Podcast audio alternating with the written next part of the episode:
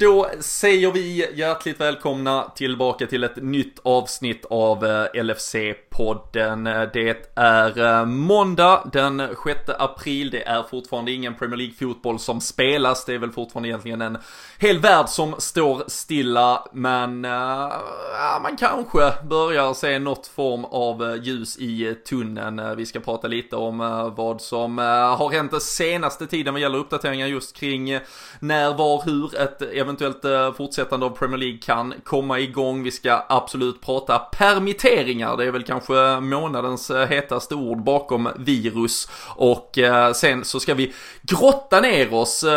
Precis som vi njöt av gamla goda matcher förra veckan så ska vi denna veckan titta tillbaka på de där talangerna som aldrig riktigt blev vad vi hade hoppats. Många fantastiska namn som eh, kommer att komma upp. Jag ska såklart inte göra det ensam, jag ska få sällskap av eh, Christian Andersson och Daniel Forsell. Och eh, så vill jag även passa på att plugga för det som vi ska göra direkt efter vi har spelat in det här avsnittet faktiskt. För då kommer vi klockan 21.00 måndag kväll, när du hör detta är det ju för sent antagligen, men framåt så vet du det. Då kör vi nämligen live på Facebook. Eh, drygt en timme är väl tanken.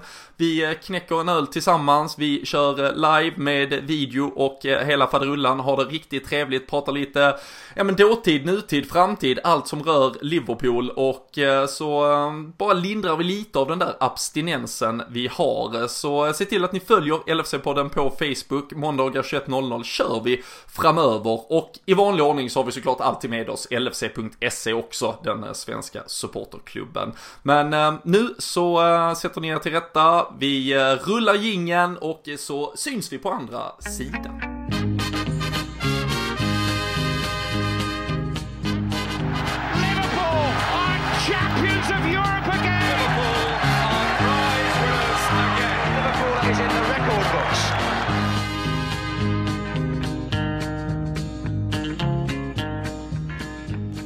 Jajamensan, eh, det är eh, måndag igen och eh, ja men som om det kunde, alltså det är ju en dundermåndag för oss här grabbar. Eh, nu spelar vi in ett avsnitt och sen så fortsätter vi live direkt efter Danne. Det är dubbel glädje.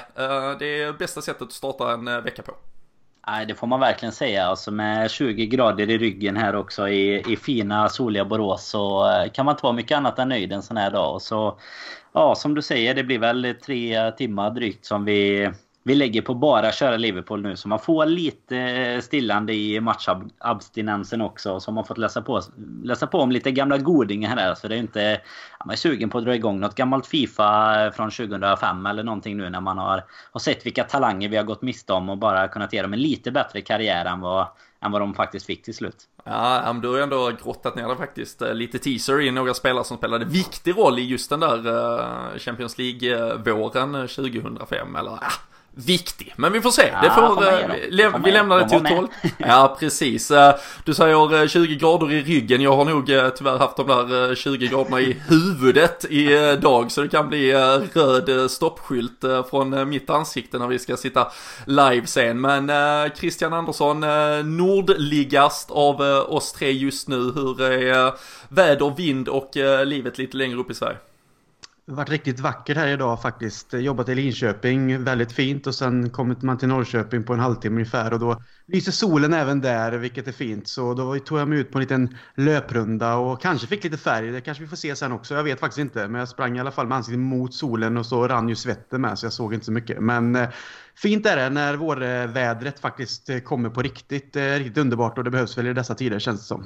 Ja, alla eh, små strimmor av ljus, glädje, hopp och ja, men, någon form av lite framtidstro ska man ju verkligen ta, ta till sig och framtidstro ska vi ju återkomma till snart. Men vi får väl börja i den ände som fick saker och ting att fullständigt brisera egentligen i helgen. Det, det, var nästan som att Liverpool hade spelat match igen och antagligen förlorat typ ett eh, Merseyside-derby med 7-0 för Twitter fick äntligen en anledning till att gå fullständigt eh, bananas eh, Danne. Det, man kastades eh, in i eh, stormen av eh, supporterkänslor igen. Eh, ska vi redogöra kort för alla som eventuellt har missat något vad som hände? Ja men verkligen. Det var ju, du är inne på ett, en 7-0 förlust där. Jag tänker ju att det självklara ordet är ju ett självmål egentligen.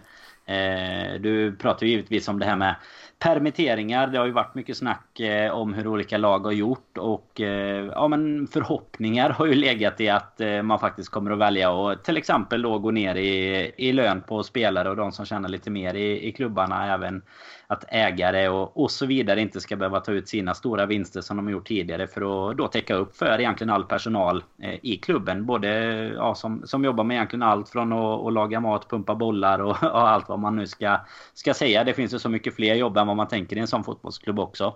Mm. Eh, man tänker sig att de ska kunna reda det själva men det kom ju då, eh, var väl igår eller det känns som att dagarna är ju... Ja, lördags till och med. Dagarna är ju som en vecka var nu för tiden. Men eh, i lördags att då Liverpool skulle använda det här permitteringssystemet om man säger som vi känner igen från av vårt land även om det inte funkar på precis samma sätt då men Nej, helt enkelt vi... att luta sig mot mot, ja, mot staten och skattebetalarna. Precis. Ja men precis. Absolut. Vi uh, kan väl uh, väldigt kort redogöra, jag skrev också en uh, text, jag skrev en text i förra veckan på LFC.se när det gick ut att Tottenham skulle göra det här. Jag rasade, hoppades att Liverpool absolut inte skulle göra på samma sätt. Sen gjorde de på samma sätt i mm. lördags. Eh, det blev en till text och eh, jag tror att det kommer komma en liten text imorgon för eh, som vi kommer till alldeles strax så har ju Liverpool nu valt att pudla och ta en U-sväng här. Men bara för att kort redogöra vad det egentligen är som gäller här. Så permittering, korttidspermittering, vi har ju lärt känna de här uttrycken de senaste veckorna på, på håll och kanter. I England så är det som gäller det att eh, staten kan gå in och täcka mm, lönekostnader på eh, 80% av en lön upp till 2500 pund i månaden. Eh, det ska ju sägas att egentligen all deltidspersonal som det till största del är, det är ju en del heltidspersonal i olika, till exempel eh, shoppar och eh, annat det här skulle ha ehm, kunnat gälla för Liverpools del, men de flesta tjänar ju inte mer än de pengarna, lönenivåerna ligger ju ungefär där för, för den här typen av arbetare i England. Men ehm, istället det man kanske menar är ju att Liverpool bör kunna använda sina vinster, sin egen kassa eh, till att täcka det här. Eh, man kan väl också i ärlighetens namn säga att det finns ju inte jättemånga intäktsströmmar som egentligen har slutat gälla för Liverpools del. Alltså pratar vi likviditetsmässigt för till exempel restauranger, och hotell och, så, och andra verksamheter som har liksom påverkats akut av detta så är det ju från en dag till en annan tjänar du inga pengar. Liverpool eh, säljer ju fortfarande eh, merchandise eh, worldwide, de har ju fortfarande alla sina avtal som tickar på än så länge. Sen förstår jag att längre fram kan detta mycket väl i kölvattnet skapa problem och det är ju problem man måste ta tag i vad det lider. Men det som de flesta supportrarna ändå hade hoppats på här var ju att klubben skulle ta ansvar för sin personal, använda den kassan man själv har för att inte belasta staten. Statens pengar behöver gå till viktigare saker just nu. Eh, men eh, man gick då först ut med, lite kryptiskt, att man eh, permitterar personal men säkerställer att de får 100% av lönen. Det man inte gjorde tydligt då var ju att det fortfarande var så att alltså staten skulle täcka 80% och de bara skulle toppa upp de sista 20 och det var väl kombinationen där, dels att man överhuvudtaget skulle utnyttja utnyttja, nej men använda det som staten trots allt erbjöd. Eh, de som står på någon liten fördelssida för Liverpool och menar att det ändå skulle kunna vara rätt är ju att, ja men alla andra företag gör det. Skillnaden där Krille får man väl ändå säga, det var någon som drog liknelsen, ja men till och med McDonalds gör det och de tjänar ju miljarder, miljarder, miljarder. Men samtidigt, vi är inte miljontals fans världen över som liksom eh, skriker oss hesa och offrar oss själva för McDonalds. Men det gör man åt en fotbollsklubb och det kräver ju vissa värderingar som följer med i det ansvaret. Eh, hur, eh, ja, hur upplevde du de här dagarna och så kan vi ta oss in till den vändning som nu har kommit här under kvällen. Nej, men man blir ju besviken såklart. Jag menar, jag läste ju den krönika som du skrev angående Tottenham och så vidare kring det. Och kände ju precis som eh, ni är inne på det här med att hoppas att Liverpool gör tvärtom. Liksom, och någonstans är den klubben som vi alla följer på det viset. Står upp för you know, walk alone och den här gemenskapen och stöttar varandra när det är svårt.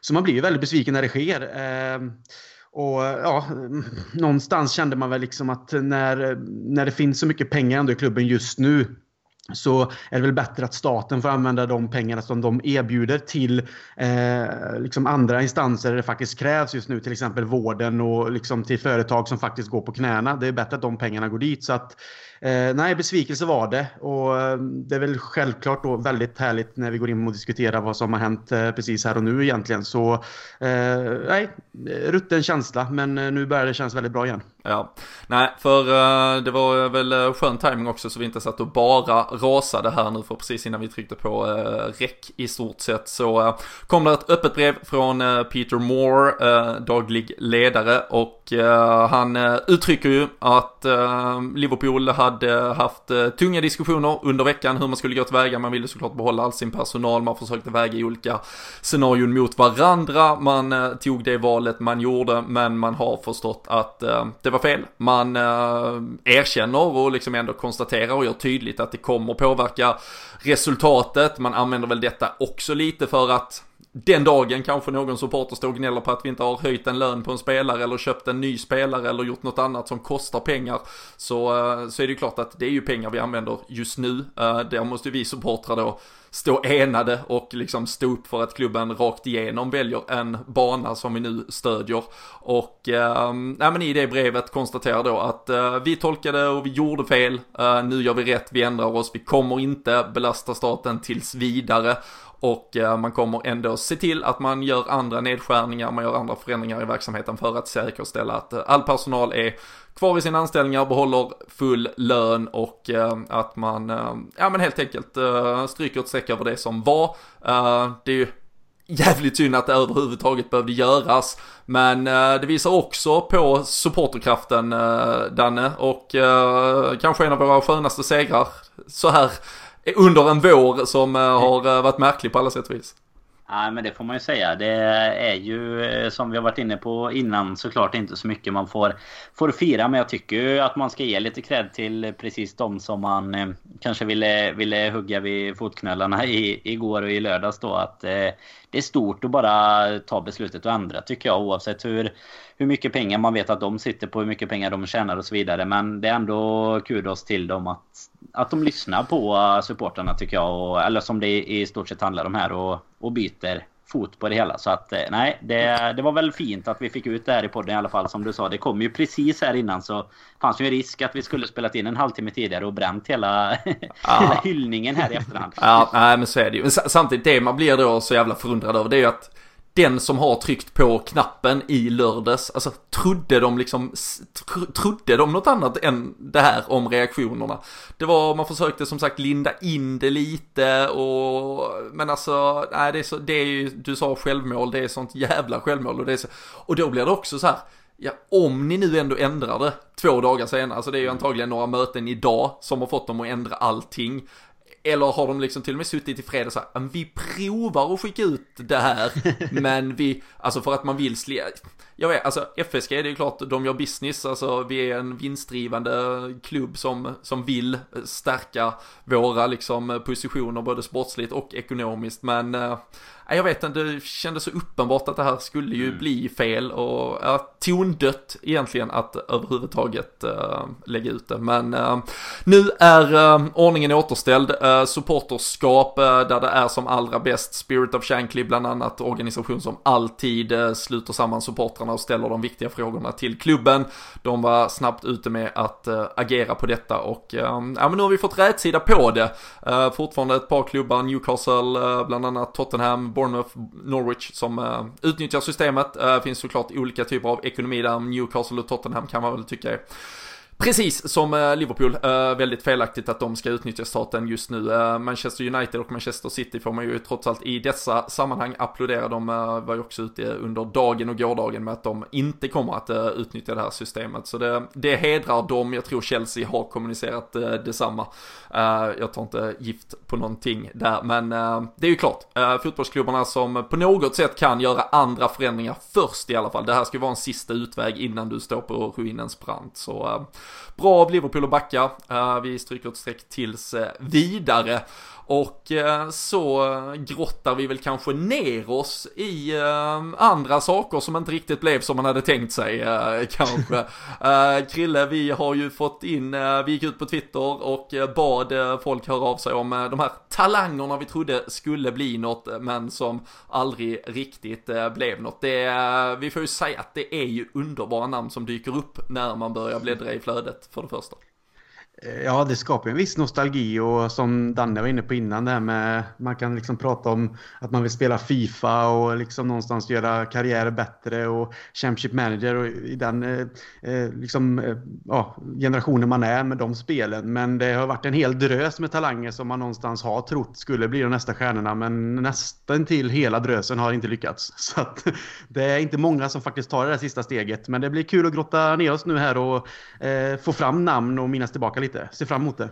Ja, och det kommer ju säkert, eh, vi har valt att fokusera och dyka ner lite extra i ett, eh, i ett par namn på lite olika teman. Eh, men jag tror att vi kommer att säkert komma förbi vissa andra spelare också. Och annars så tycker jag man ska gå in och bara frossa i den Twitter-tråden som finns där folk fick skicka in sina förslag. För det är ju, det är fantastiska namn som nämns. Vissa man hade glömt, vissa man försöker glömma och vissa som kanske ändå blev något eh, halvkul av. Men eh, lite kronologiskt eh, Danne så ska vi börja med att gå tillbaka till, eh, ja men runt eh, millennieskiftet, precis början av eh, 2000-talet och kanske ändå den första gången sådär i eh, någorlunda då modern tid där vi verkligen hade fått upp ögonen för två supertalanger, kanske de två största nästan i hela världen. De skulle vara en del av den franska revolutionen under Gerard Houllier, men det blev inte riktigt eh, som vi hade tänkt oss. Eh, ska du ta oss med tillbaka redan till kanske U16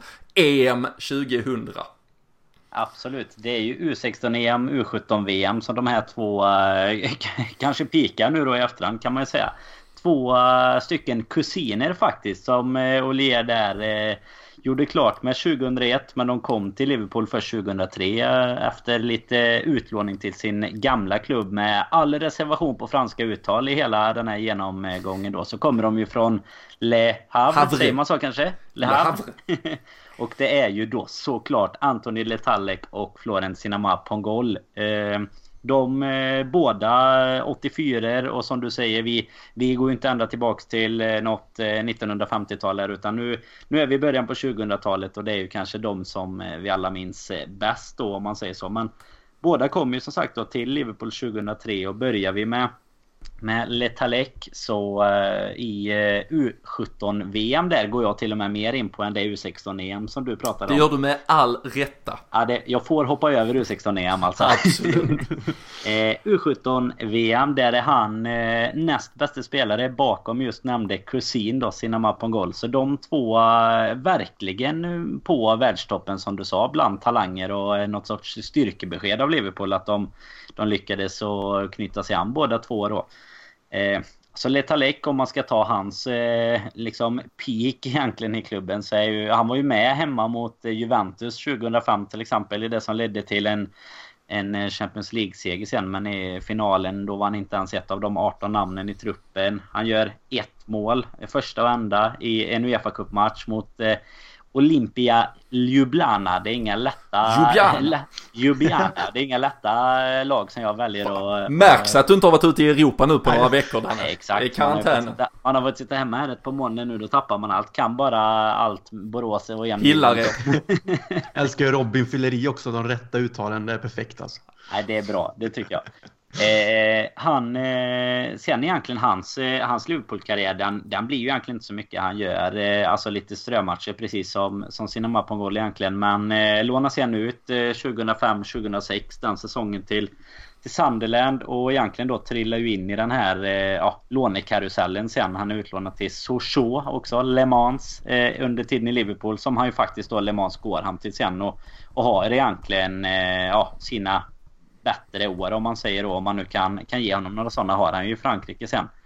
Eh, sen så är han faktiskt, jag tycker man ska lägga till då innan jag går in på hans eh, kusin är att han är fortfarande aktiv i Annecy, fransk amatörfotboll. Så vill man eh, söka upp något när fotbollen kommer igen och man har, kommer igång igen och man har liksom sån abstinens så, så kan man gå in och kolla på eh, på Letalek där. Det skulle jag rekommendera. Jag har inte sett någon match själv än. Men eh, kanske får youtuba lite nu i, i de här tiderna. Men alltså jag, jag måste bara stanna upp alltså vid, eh, jag, jag satt ju också när, eh, när du liksom sa att du skulle fastna eller ta lite extra om de här två spelarna. Alltså när man börjar frossa i uh, U17-VM 2001, alltså För det första, någon som vill gissa vem som kom trea eller vilket land som kom trea i mästerskapet? Fritt fram. Nej. Burkina Faso Ja, det- måste ju vara deras största internationella fotbollsframgång någonsin. Nej, det är sjukt. Och eh, sen bara att eh, mästerskapet går i Trinidad and Tobago gillar man ju också något kupiöst. Och eh, sen en eh, liten anekdot där med tanke på att det kanske då inte blev så mycket mer innan du går tillbaka till Pongol också. Men just den där duon, den franska drömduon som verkligen var den som stal showen. Det är ju ganska intressant att i det spanska laget, som det inte alls gick lika bra för, där fanns en duo vid namn Iniesta och Fernando Torres. I det argentinska en duo vid namn eh, Javier Mascherano och Carlos Tevez. Så eh, det känns ju som att Gerard Houllier valde fel duo här Danne. Eh, även om Ja. eh, den andra kanske hade lite viktigare insatser för Liverpool än den första kusinen. Ja, absolut. Sen får man väl också gå på hans French connections där lite kanske. Att han, hade det varit en, en Benitez vid rådet redan då så kanske vi hade haft din duo där om man säger så. Iniesta och Torres li, lite tidigare. Ska inte säga om båda, men Torres lite tidigare då.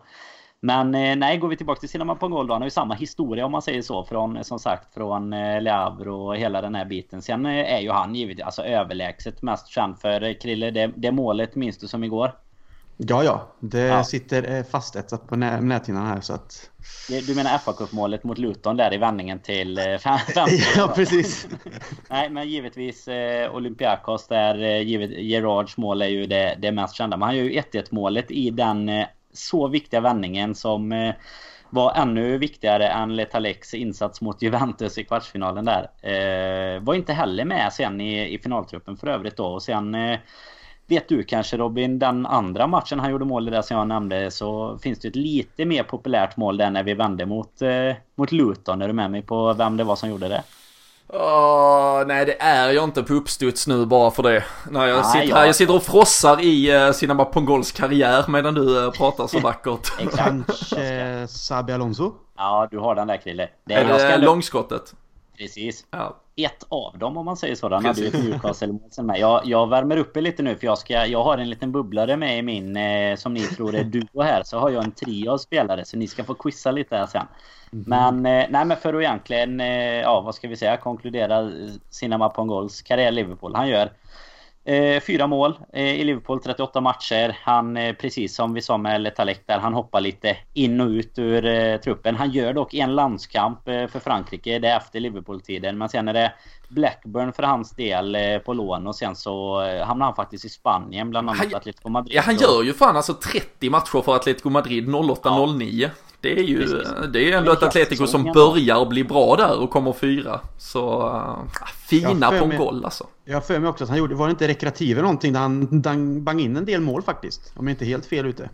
Jo, det är hans bästa målsnitt om man säger så. Förutom när han gick tillbaka till någon sån här suspekt typ division 2-3-klubb i, i Frankrike. I, nej, nej, jag säger fel. Jag kollar just nu faktiskt. I thailändska League 2 gjorde han eh, sitt bästa mål. Fint. Gjorde han mål i varannan eh, match där 2016 till 18. Det är han och Rasmus Jönsson från eh, Ja. Recreativo var ju precis innan Atletico Madrid där. Så där eh, gjorde han nästan mål i var tredje match. Och sen så lyckades han göra en, en handfull mål även i Atletico Madrid. Men som du säger Robin så är det väl hans... Eh, det är hans peak om vi säger så då på, på karriären. Där han ändå var ja, men lite del i ett ordinarie lag om man säger så. Och han eh, gjorde faktiskt eh, även en, en säsong nu då eh, 2019. Då spelade han eh, också i eh, fransk amatörfotboll. Och då spelade han för, eh, ja, ursäkta uttalet igen då, Sant Pierre. Så vill man youtuba lite på Sant Pierre så kan man kolla på på Goals ett mål på tio matcher i, i sista stunden av hans karriär där. Men två, två fina eh, återkoppling till ditt eh, prat där Krille då med, med Championship Manager. Det var detta som fick mig att, att vilja grotta ner mig lite extra i dem. För eh, CM 0102 när man får in de två så är de ju helt magiska alltså. Så att eh, Sen går som- åren och så händer det inte så mycket. Nej, men lite så. Någonting som hade kunnat bli så mycket mer. För jag tror det är lätt. Nu pratar vi ändå om spelare som kom till klubben för liksom ja, 17 år sedan. Som när vi sitter här då. Vi är, vi, är- vi är gamla kanske, vi, men vi, vi är ändå det är unga supportrar var vi då. Det är ändå där man kanske började få in de här men mer lite exotiska namnen som man tyckte då som ändå då hade, hade krönt stora framgångar i sina ungdomskarriärer. Så det är ju ändå spelare som ja, givetvis eh, klubben trodde extremt mycket på. Ja men det måste vara här någonstans vi också är inne i där de lättar upp i stort sett alla EU-regler och ja. så vidare. Så nu visserligen, de var, ju, de var ju, de fick ju, de var ju utlånade då fram tills de hade hunnit fylla 18 och så vidare. Det var ju lite, fortfarande lite svårare med att uh, värva liksom uh, ungdomsspelare uh, på det sättet. Även om man kunde komma, komma runt det och uh, olika uh, uppehållstillstånd och så vidare. Um, sen intressant också med tanke på när jag satte mig där och grottade ner de där trupperna. Det finns faktiskt inte, inte en enda spelare spelare från det där franska, alltså med all respekt, Pongol och Letalek var nog de som ändå kom längst av ett mm. helt U17 vinnande VM-landslag. Alltså det är ju eh, ganska exceptionellt. Det är väl, det är väl svenska U21-landslaget från 2015 eh, som vann EM där som är sämre kanske än eh, det franska VM-laget då från U17. Det fann inte ett namn jag kände igen så uh, super för uh, franska 84orna. Uh, de får bättre lycka på, på andra håll i karriären kanske längre fram. Um, jag vet inte, hade du någon bubblare du vill ta nu Danne eller ska han få ligga och puttra? Till, eh, ja, han, han tillhör lite, lite senare generation fast ändå tidigare än de du ska ta. Men vi kan låta han ligga och puttra lite så tar vi en liten quiz i, eh, som den sista gubben sen så får ni, eh, får ni föra oss lite längre fram i, i tiden här. Ja, men det tycker jag vi gör. Ehm, jag har ju tittat lite mer specifikt i stort sett på en årgång, ungefär ett, eh, ja, men ett ungdomslag som eh, följde varandra och spelare som sen tog väldigt olika riktning i karriärerna. Men Krille, jag vet att du har eh, tittat på kanske den mest klassiska stämpeln och den kanske mest betyngande man kan få som ung lovande Liverpool-spelare. Det är ju epitetet den nye Gerard och det har passerat några sådana i Eh, revy eh, genom åren. Många som har eh, tassat sig fram, gjort väldigt bra i ungdomslagen, fått ett par A-lagsmatcher man har trott att det här kanske är på riktigt, men ofta så blir det inte mycket mer än så. Nej, de går nästan i varandras fotspår skulle jag säga. Sen är det väl en som sticker ut lite mer och har lyckats få en etablerad karriär. Men jag tänker börja med en väldigt kortväxt liten, ja nu är han ju inte grabb längre, nu är han ju liksom eh, en man. Men eh, Jay Spearing lär ju de flesta komma ihåg i alla fall i vår generation och även eh, senare också. Ehm, var ju en talangfull kille, en ettrig sådan på mittfältet och kom till klubben 97 som ungdomsspelare. Och sen gick han genom leden och han var kapten för U18-laget med som 2007 vann FA Youth Cup. Ehm, så det var ju lite av en bedrift då, ett lag som eh, var starkt och sen fick han debutera i A-laget 2008 Eh, och det fanns väl de här, liksom, man sitter och tittar på liksom en liksom, liten till växten på det sättet att han kanske inte riktigt lyckades på det sättet. Men han hade väl mer en aggressivitet och en kämpaglöd som också då var det här liksom Gerard ehm, stämpeln på honom, att det fanns någonting där. Men det ville sig aldrig riktigt för honom. och han fick ju några matcher för Liverpool ändå. Eh, mellan 2008 och 2013. Så han spelade ungefär 30 matcher för Liverpool. Eh, noll mål vad jag minns och vad jag har kollat upp i alla fall. Om jag inte missat någonting. Men det säger Finns inte en chans att han har gjort mål? Han har träffat mig med en blöt boll borta mot Stoke en gång eh, i alla fall. Så att, eh, det får väl vara ett mål då för dem kanske. Man minns ju framförallt hans inhopp mot Real Madrid 08 när vi körde över dem med 4-0. Champions League måste varit en av hans första matcher. Måste varit hans precis, jag, jag, jag tänkte precis nämna det. Det här är nog kanske det han är mest ihågkommen för. Och sen likt som Daniel sa det här med lånekarusellen så gjorde han också det sen. Han gick till Leicester på lån och han var i Bolton som han sedan gjorde en, en permanent övergång till. Eh, spelade cirka 40 matcher där. Och, eller förlåt, eh, han gjorde 125 matcher där. Och sen så var det Blackburn på lån och nu är han i Blackpool då. Så att eh, han har fått en karriär men inte på det sättet som det förutspåddes. Och han har ju alltid hållit sig som ordinarie i de lagen han varit i. Men det är ju inte på den högsta nivån då. Så att eh, den nya Gerard blev det inte där heller. Nej, men han var ju så jäkla länge i Liverpool också tycker jag. Att det känns som att man ändå... I och med att han var så många år så känns det som att han var så mycket i diskussionen. Och det var ju under den här Hodgson-tiden framförallt som man liksom bara... Men är det inte helt sinnessjukt liksom. att han ens var en diskussion? Alltså han var ju usel. Ja, ja. ja, jag, jag skulle jag vet det. Jag vet till och med, jag läste innan det att eh, det var ju Benitez som ändå ville erbjuda en nytt kontrakt där när han ändå var runt, ja, lite över 20 måste han varit. Så det tänkte man lite nu i efterhand, bara liksom var, varför? Men ja. ja. Eh, men ja, med sina 1,68 centimeter så eh, finns det kanske så mycket på ett mittfält att hämta ändå kanske. Ja, det är till och med så att uh, Danne Forsell är lång i den. I det. ja, vidare då till en eh, grabb som givetvis då, som vi pratar om, nästa Gerard och som ändå då har faktiskt fått en karriär som jag nämnde här innan och det är faktiskt Connor Cody. Eh, han är 27 år idag. Han kom till klubben 2005 och eh, han eh, sig vara en box-to-box spelfördelare, liksom hård och tuff. Så likheterna med Gerard var ju direkta liksom. Det var ju det som alla pratade om. Även duktig med boll och på gränsen till A-laget egentligen hela tiden. Men eh, lånades sen ut för att få erfarenhet och tillväxt för han kunde inte slå sig in i, i A-laget och egentligen därefter så blev det heller aldrig någon större karriär i i Liverpool utan det blev eh, Sheffield United på lån, eh, så gick han till Huddersfield och sen har han faktiskt gjort över 200 matcher för Wolverhampton och är nu klubbkapten, spelar mittback och är faktiskt en av de bättre mittbackarna tycker jag i Premier League. Eh, och han är ju 27 år så han närmar sig kanske piken så att eh, han kommer nog fortsatt ha eh, fina år i Premier League och är väl kanske den spelare man ändå skulle kunna tänka sig att han hade kunnat vara en, en backup-spelare i, i dagens Liverpool om man faktiskt ska kolla på det. Jag tycker han är duktig faktiskt. Och, Eh, han har etablerat sig eh, som sagt så fått en fin karriär. Det hade ju varit fint. Har man, har man någon sån man kan ta på rak arm, typ en spelare som har stuckit som ganska ung och lovande och sen kommit tillbaka liksom 6-7 år senare efter en lång och krokig jävla väg till liksom moderklubben. För det känns, alltså, hade man fått chansen att trycka på en knapp och byta DN Lovren mot Connor Cody hade man ju faktiskt gjort det idag. Alltså så ja, bra. Ricky Lambert har du. Han lämnade Liverpool tidigt, tidigt ja, men, kom tillbaka. Ja, han, han kom ju tillbaka 40 år senare för fan. 40 år, 40 öl om dagen. Det var med glimten i ögat. Ja. Men du har ju, du kan ju säga till exempel, då har du ju Piqué är väl en sån. När han var ju mm, United. Sant. Han var väl i Barcelona när han var yngre. Och, eller alltså ungdomskarriären. Och så gick han till ett pisslag i några år och sen kom han tillbaka. Ja och tillbaka och gör typ 500 eh, matcher eller någonting. Så det är klart, ja. den, den typen hade man ju gärna sett. Men Cody är ju, alltså, som du säger, riktigt Jag tror också att det är en, en av de ungdomsspelarna man ändå ser i namnen som man kanske inte hade gissat på förhand, men som nu i slutändan då faktiskt hade kunnat komma tillbaka och ta någon sorts eh, truppplats i alla fall. För han har ju utvecklats mycket och konstigt nog fått vara kvar i det här portugisiska superbygget liksom. Så kommer var man nästan förvånad när man såg när Wolves gick upp där. Bara, vad fan, Connor Cody som mittback och kapten mitt i i liksom eh, Ruben Neves och eh, de här Jiménez och de. Nej, det är mm. all kudos till, till ny, halvnya Gerard där alltså. Ja, och det säger ju en del också ändå att han är, klubb, liksom, han är klubbkapten. Liksom, så att han har ju ledaregenskaper och han har ju säkert eh, mycket liksom, bra egenskaper som just en pådrivare med. Och det har väl man sett de matcherna som man har sett med Wolves också. Att det, det finns ju en fotbollstalang där som tog en lite brokigare väg, väg på vägen. Han lyckades inte i Liverpool men eh, liksom, med lite stopp här och där så etablerade han sig ändå. Så det får man som sagt ge han cred för.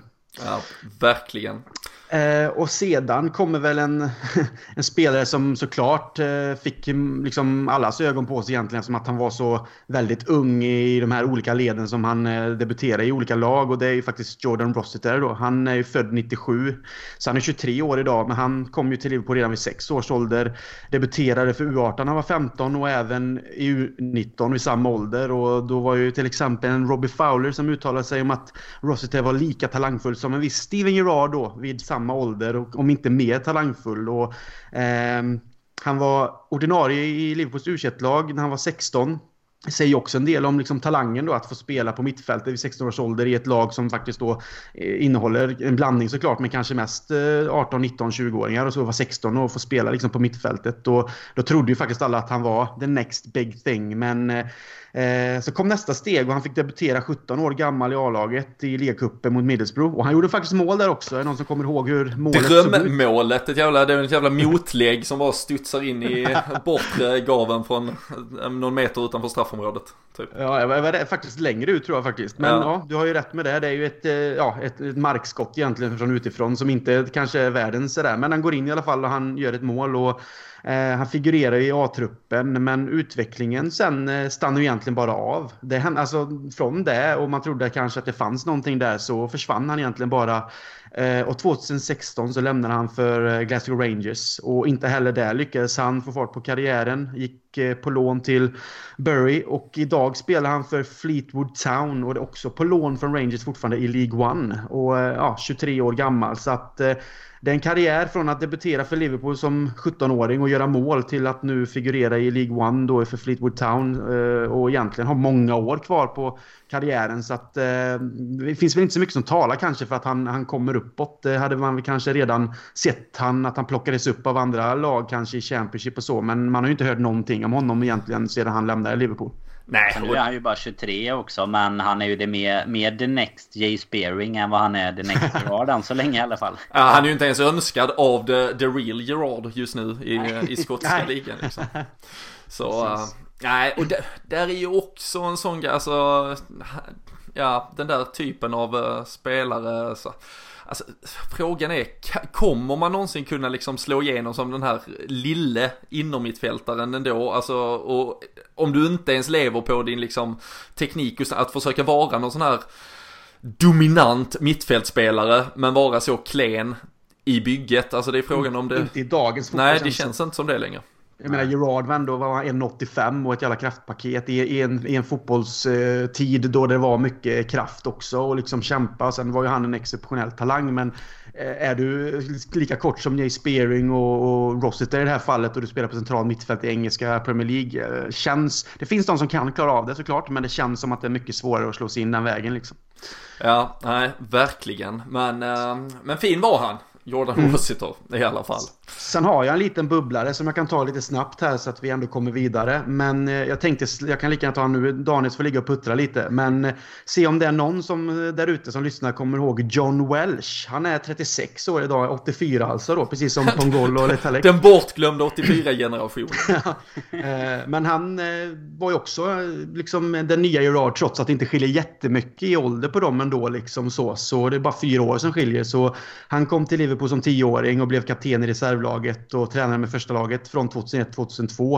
Eh, och det var väldigt stor talang med de här egenskaperna. Pådrivare, kraftfull, bra skott och så vidare. Men han körde ju en ännu större lånekarusell. Det var Hull, det var Chester, det var Carlisle, det var Bury, det var Tranmere och sen så fick han väl någonstans etablera sig i Tranmere därefter och, och i Preston North End och Greensby Town och idag spelar han i Atherton Collieries står det faktiskt. Och eh, ja, det är ju en sån här eh, spelare som egentligen har harvat omkring i olika ligor upp och ner. Men han är väl egentligen främst ihågkommen för att vara en väldigt talangfull och duktig spelare på Championship Manager. Så vi nämnde här innan också med som eh, Pongol och Letalek. Så nej, jag kommer ihåg att man flyttade ofta upp honom i Liverpools A-trupp på den tiden man satt och klickade det här spelet. Och han utvecklades och blev bra. Sen kanske han inte blev A-lagsspelare och ordinarie när man värvar in lite andra goa gubbar. Men nej, han ska ha cred i alla fall för sina siffror på Championship Manager. Ja, den typen av spelare har ju varit eh, viktiga för eh, supporterskapet eh, liksom vid sidan av för att liksom få det att frodas i alla fall. Så vi, vi tackar han ändå för de insatserna och för att någon som satt på den där databasen tyckte att han var, var värd att liksom ändå lägga lite energi eh, på. Eh, men, äh, men listan av gamla spelare, unga talanger som har passerat i periferin. Vissa med lite avtryck, vissa med i stort sett inga alls. Vissa som skulle bli de riktigt stora och vissa man kanske bara ändå satt och hoppades lite på skulle kunna bli den där kolbiten som förvandlades till diamant. Men nej, listan inne på Twitter tycker jag man ska gå in och titta på. Där är så jävla många härliga namn. Jag har själv tittat lite lite extra på en generation som eh, egentligen tillhörde ju, eh, Connor Cody var ju lagkapten till eh, väldigt många av de här. Ehm, och det är ju också från det ungdomslag som bland annat Raheem Sterling såklart är den stora lysande stjärnan även om han kom in utifrån så eh, kom han ju in, eh, spelade igenom eh, de, om man säger, lite äldre ungdomsåren och sen så satte ju karriären raketfart egentligen. Men där var ju en spelare som egentligen gick sida vid sida med Raheem Sterling väldigt länge och det var ju Suso, denna spanska tekniker som likt de där fransmännen 2001 och 2000 hade dominerat i olika EM och VM för eh, ungdomsspelare. Och eh, där måste man ju säga, det var ju en spelare som för min del, eh, där jag verkligen trodde att han skulle bli the real deal. Och med tanke på att han faktiskt har gått vidare, haft en fin karriär i ett Milan som visserligen har varit på ordentlig dekis och eh, det var väl i stort sett Zlatan som eh, skickade han ifrån Milan nu när han kom dit i januari för det var, de spelade en match tillsammans, han slog 17 eh, dåliga inlägg och nu är han utlånad 18 månader till Sevilla. Men eh, där Danne, om vi pratar unga talanger, så känns det ändå som en sån liksom the one that got away lite och att kanske Brendan Rodgers som i efterhand har fått lite eh, kritik för hur han hanterade unga talanger kanske kunde ha gjort det bättre med facit i hand. Ja absolut och det finns ju en hel del som faktiskt eh, tog sig fram under, ja, men under de åren egentligen om du tänker Sterling och lite sådana som fick eh, lite mer tid om man säger så då. Så eh, nej absolut, det var väl en av dem man, man på senare år har kanske haft mest tilltro till. Framförallt innan den här Klopp-eran om man säger så kom. Eh, nej, det är, det är han och några sådana här Danny Pachecos och, och sådana som har varit liksom de här allra... Och det, men i ärlighetens namn också kanske de som har varit närmast. För han har ju ändå en... Han har väl ändå en 10-15 eh, matcher eh, säkert i, i Liverpool. Alltså många av dem vi har pratat om. Eh, framförallt de som du nämner där Krille, förutom Spearing då. Det är ju sådana som kanske har kommit upp och gjort en match eller någonting bara för att göra ja. ett inhopp mm. och sen är de borta. Så, så var ju ändå tyckte man hela tiden nära på att dra sig igenom men det sista lilla klivet och som du säger sen Robin, sen tar han ju ändå och gör en han har ju ändå en hyfsat fin karriär nu i efterhand och fortfarande många år kvar eh, förhoppningsvis för hans del då så Nej, absolut. En, en som försvann lite för tidigt kanske. Ja, nej men så känns det och, eh, och de var som sagt ett helt eh, gäng där framförallt. Det är väl egentligen en eh, bortamatch mot Young Boys hösten 2012 som är någon form av har pratats väldigt mycket eh, epicentrum och var saker och ting får sina utbrott eh, de här eh, månaderna. Och det, den kvällen i Schweiz var väl en liten sån kompott av alla de här unga talangerna från den här generationen. För där var en annan spelare, en mittback och ytterback, det var ofta som högerback han fick figurera när han väl fick chansen i A-laget. Men Andrew Wisdom eh, uh, spelade också den här matchen precis som Susu gjorde mål och uh, var ju liksom uh, stor, stark, stabil uh, men kanske inte sådär teknisk som en Trent Alexander-Arnold som några år senare kom att lägga beslag på den där högerbacksplatsen. utlånad lite senare, gjorde 14 matcher för A-laget, utlånad till både Derby County, West Bromwich och Norwich. Verkligen sån här engelsk Championship-kompott känns det som. Sen tog han en sväng till Red Bull Salzburg. Uh, uppskattar man ändå när uh, engelska spelare mm. sticker iväg på de äventyren. Nu är han tillbaka i, i Derby County. Men um, också en sån där liksom, uh, om vi pratar Connor Cody-typen, liksom stor, stark, stabil. där man trodde mer av. Men det var verkligen en generation som fram till egentligen att de stod och knackade på A-lagsdörren så gick det flygande liksom, alltså de verkligen flög fram. Men eh, där tog det lite stopp. Det var ju också Sen då, 13-14 säsongen blir ju liksom en peak där vi i stort sett spelar samma 11 rakt igenom varje match. Många av de här figurerar ju faktiskt på, på bänken, alltså från och till vissa av dem i de här säsongerna där vi är riktigt, riktigt bra också. Men eh, det är ju ingen som någonsin får spela någonting. Eh, det är väl framförallt i och för sig under säsongen 12-13 de flesta får, får minuter. Eh, Sousou vet jag kommer in i halvtid mot Manchester United bland annat när Shelby har tagit ett rött kort och Sousou kommer in i faktiskt jävligt jävligt bra där i den andra halvleken. Då, då trodde jag kanske att eh, det var liksom hans steg in på den stora scenen. Men uh, det kom av sig lite och Andrew Wisdom var väl eh, lite en likadan sån som man verkligen trodde mer om. Jag gjorde det personligen i alla fall. Och eh, sen, vi ska väl nämna i förbifarten också, eh, det såg jag att det nämndes i flödet också, Kristoffer Petersson, eh, svenska talangen, eh, kommer in, spelar mycket ungdomsfotboll tillsammans med det här gänget. Han är ju ett år yngre än eh, de vi har pratat om här, de är ju 93 år. Eh, Kristoffer då 94, precis som Sterling, men eh, ändå samma ungdomsgeneration. Eh, han är ju tillbaka nu i Utrecht efter ett, en sväng i Schweiz, höll jag på att säga, men Swansea var han i.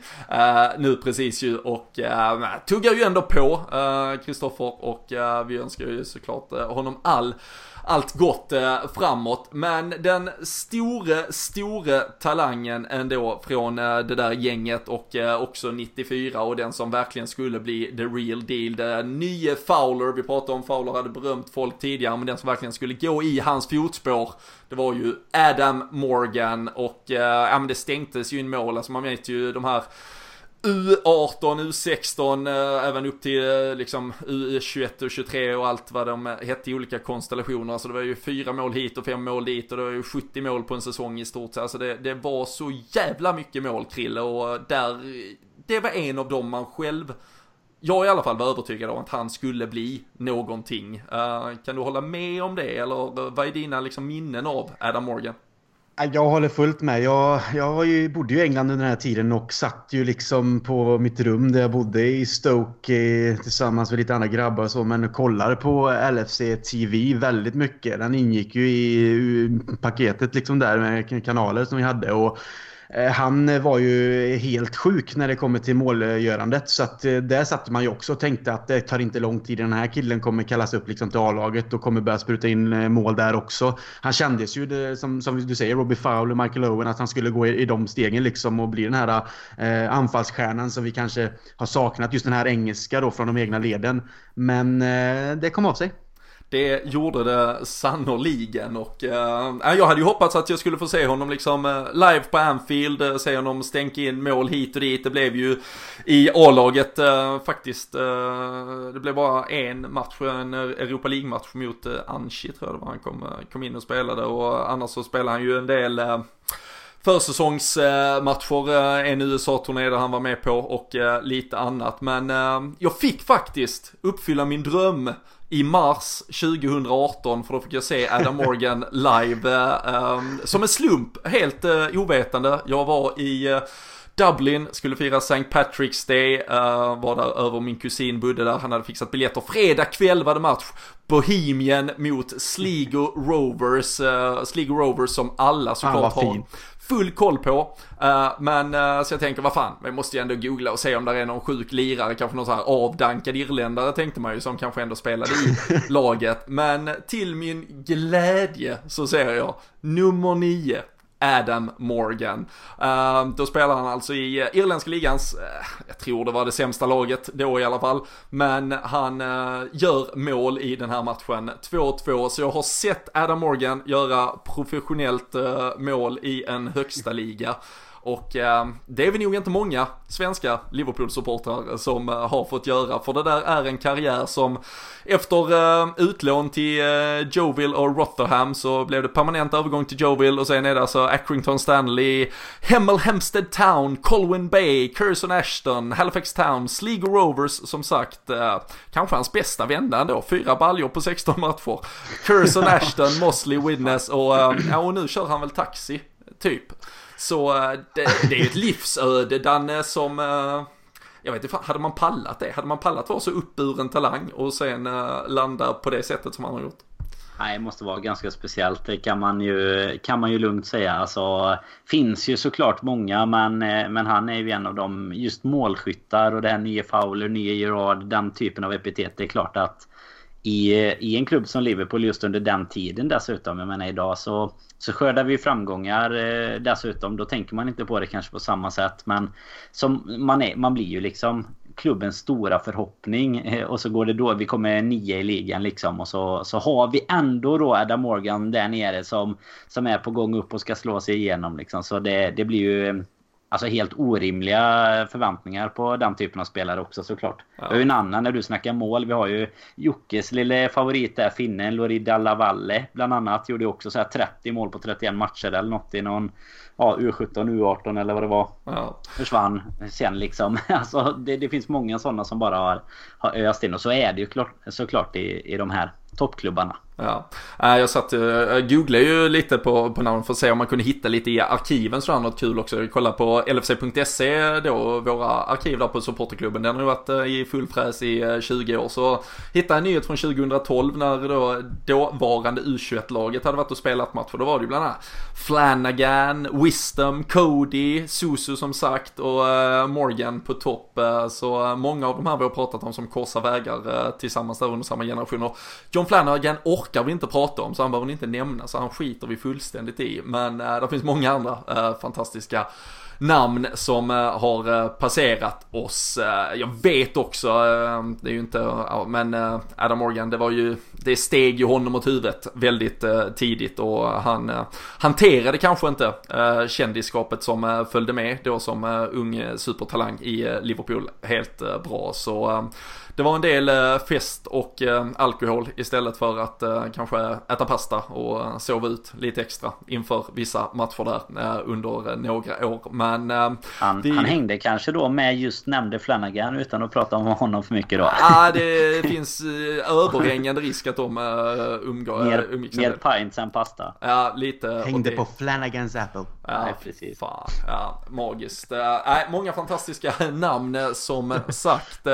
Den din uh, bubblare ja. måste, det måste ha kokat måste... och puttrat och kastrullen har rasat över Borås finaste kök. Vi till våran, så vi hinner till våran livesändning här som vi har lovat också. Den är ganska svår faktiskt som ni ska få quizza om lite nu. Jag hoppas att ni har, eh, har liksom gnuggat eh, gott i knölarna här. Ja, jag är ruskigt redo. Svettas händerna direkt. Jag har läst allt sen igår. Nej, det är bra. Jag, jag, ska säga att detta är ändå en sån som du snackade lite om Suso innan. Alltså en sån som, eh, som jag av någon anledning bara trodde så här extremt mycket på. Sen så såg jag att han aldrig dök upp i Twitterflödet eller i någonting. Så tänkte jag bara, men jag måste bara, det, måste bara dra upp honom liksom. Jag måste bara googla ifall han fanns på riktigt. Eller ah, är det en sån här PES-spelare som är påhittad egentligen? Ja, ja precis. Maxim Sigalko i, i CM 0102. Ja, han finns. Det är Tomadeira däremot som inte finns. Ja, ja okej okay då. ja. det, det ja, men, ja, hur, hur funkar detta nu då? Ska vi bara gissa eller får vi lite Nej, ledtrådar? Jag kommer, dra, jag kommer dra lite ledtrådar ja. Eh, och så får ni liksom... Eh, jag kanske drar mina, mina tre första ledtrådar och sen får ni, får ni varsin gissning och så kör vi vidare så. Ja, men det sen har bra. jag inte obegränsat med ledtrådar till slut kommer jag bara få säga vem det är annars. Ja, inte obegränsat med tid heller. Så. Nej, vi är det är så här. Yes. De, de, tre svåra ledtrådarna det är att han är 86a. Mm. Eh, han eh, är just nu assisterande tränare i Estegal i, som utgår ifrån Teheran i Iran då. Och han avslutade sin karriär i Emirates Club i Förenade Arabemiraten 2017. Och det är alltså en Liverpool-talang nu vi snackar om. Har ni någon 86. aning om vem vi snackar om? 86 då bör han ju varit talang, alltså 05, 06. Han kom, han kom till Liverpool 07 kan jag säga då. 07 kom han till eh, Liverpool. Han är en talang fortfarande då, vad fan. Ja, Absolut, det var han. Han, eh, vi fortsätter. Jag hör ju att ni har det, ni har det tufft. Han, ja. eh, han kommer från eh, Argentina. Har inte spelat så många matcher ah, i livet. Sebastian Leto. Ja, där har ah. du den.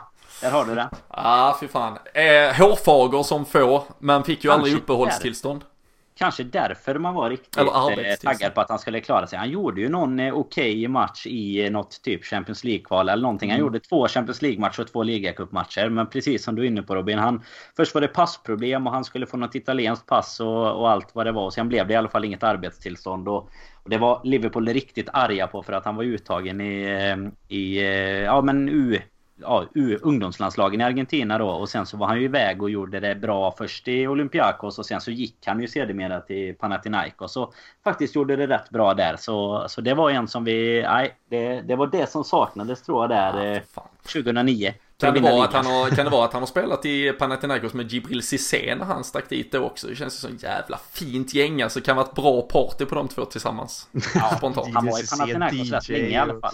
Två, två sessioner också vet jag. Och så eh, avslutade han sen i, i Emirates Club då. Fint. Ja. Det kan varit eh, en bra lön där som lockade honom till... Det kan eh, vara att det bara är en flygplats-lounge egentligen, Emirates Club. Att han har avslutat med att sitta i den. Det vet vi inte. Det är inte nio, det är inte nio matcher i Emirates Club utan det är nio drinkar i, i loungen som de har skrivit in här i, på hans eh, fanpage. Ja, magiskt. Nej, men vad fan. Är du quizmästare nu för ett tag här? Ja, nej, men den, eh, jag, jag tar på mig någon eh, medalj här inför livesändningen vi ska dra igång alldeles strax. Som sagt, när ni hör detta har ju det säkert redan varit, men alltså måndag kvällar 21.00 så kommer vi köra live på vår Facebook-sida nu framöver så man kan hänga med där, ta en öl tillsammans med oss, starta veckan på ett gott sätt, snacka lite dåtid, nutid, framtid, allt som rör Liverpool, drömma om vad som eventuellt väntar lite längre fram och eh, även mycket eh, annat. Eh, det sista man kan säga lite uppdateringsmässigt är ju att, eh, ja men det pratas om i alla fall att man förbereder en, en plan på att eventuellt kunna spela Premier League fotboll i juni bakom stängda dörrar. Eh, man har eh, lagt fram det förslaget till, eh, ja men till de statliga myndigheterna i alla fall som eh, ska eh, titta lite på det. Vi hoppas ju verkligen att eh, den där kurvan man pratar så mycket om börjar plattas till och plana ut här vad det lider och förhoppningsvis, ja, ju förr eller ja, förr eller så snart som möjligt, ser vi säga, så vill vi ha tillbaka världen som vi känner den och fotbollen därmed också. Men Tills vi hörs eh, nästa gång i eh, detta formatet får ni ha det så bra, ta hand om er, eh, tvätta händerna, håll avstånd och allt annat så hörs vi och ses vi snart igen.